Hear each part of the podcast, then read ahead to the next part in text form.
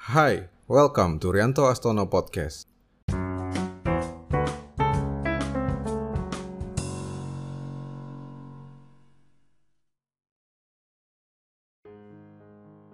Sejak pandemi, sudah kurang lebih empat bulan lamanya, saya tidak pergi ke tempat gym lagi.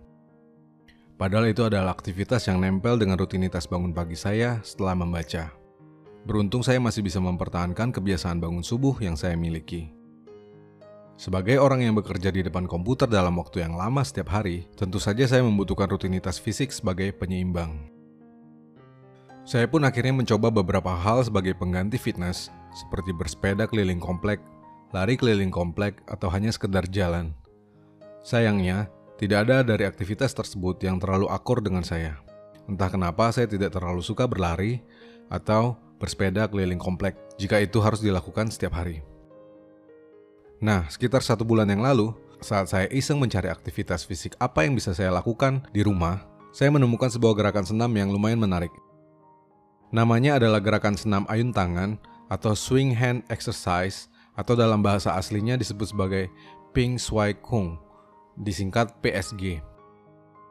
Ini adalah sebuah gerakan senam Qigong yang berasal dari Taiwan. Oke, sebelum Anda melanjutkan mendengarkan podcast ini, saya perlu menyampaikan disclaimer jika gerakan senam yang akan saya share mungkin saja bisa bertentangan dengan keyakinan teman-teman, seperti misalnya yoga. Saya tidak tahu persis. Yang saya tahu adalah teman-teman bertanggung jawab atas keyakinan masing-masing. Silakan tanyakan kepada diri Anda atau kepada yang lebih ahli, atau pertimbangkan secara matang terlebih dahulu sebelum juga ikut melakukannya. Saya pribadi memandangnya hanya sebagai sebuah gerakan fisik Ya, sebagai pengganti fitness saya itu tadi, supaya saya tetap bisa bergerak, berkeringat, sehingga mengimbangi pekerjaan saya yang duduk di depan PC melulu.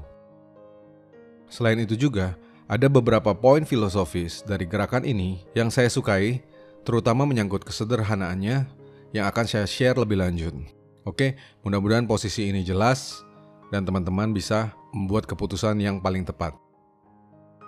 Jadi apa itu PSG atau Ping Shui Kung? Jika teman-teman ingin mengetahui versi yang jelas dan lengkap, silakan cari tahu dari pakarnya di YouTube.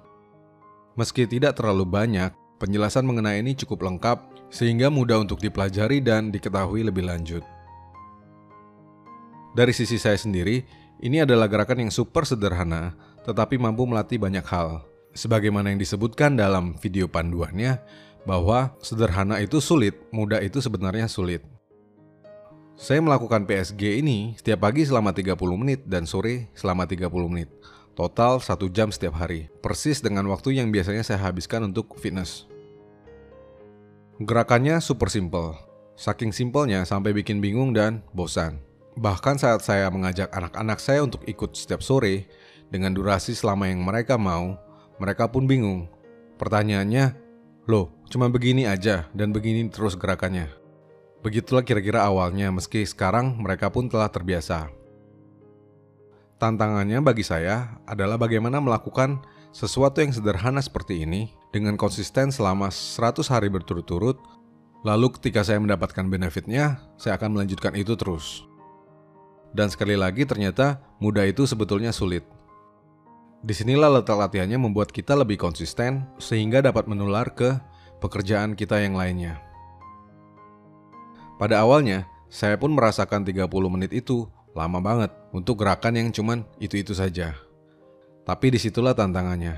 Bagaimana melatih kesabaran, konsistensi, rutinitas, dan tak cepat berpaling. Akhirnya saya pun bisa melakukannya setiap hari tanpa bolong. Semakin terbiasa dan mulai mendapatkan benefitnya. Beberapa hal yang terjadi setelah saya melakukan ini adalah tidur yang menjadi sangat nyenyak dan rasa sakit atau pegal di badan yang tidak terlalu terasa saat bangun pagi.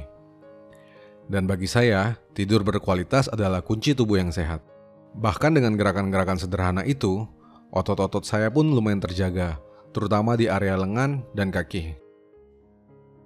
Selain itu, yang lebih mengejutkan adalah reach harian yang biasanya sangat jarang saya capai di smart band yang saya pakai, yaitu 10.000 steps atau 10.000 langkah. Jika dulu saya masih rajin untuk fitness, 10.000 steps itu jarang sekali tercapai, biasanya hanya 7.000 atau 8.000 setiap hari. Nah, sejak saya melakukan gerakan PSG ini, Setiap hari, saya selalu reach 10.000 steps di smartband saya. So, PSG ini adalah pengganti fitness saya. Melatih tubuh, memicu keringat, membangun kesabaran, serta memberikan benefit kesehatan. Kemungkinan besar akan jadi pilihan permanen pengganti fitness yang dulu rutin saya lakukan. Apakah teman-teman juga ingin melakukannya? Silakan cari tahu dan putuskan sendiri. Semoga bermanfaat.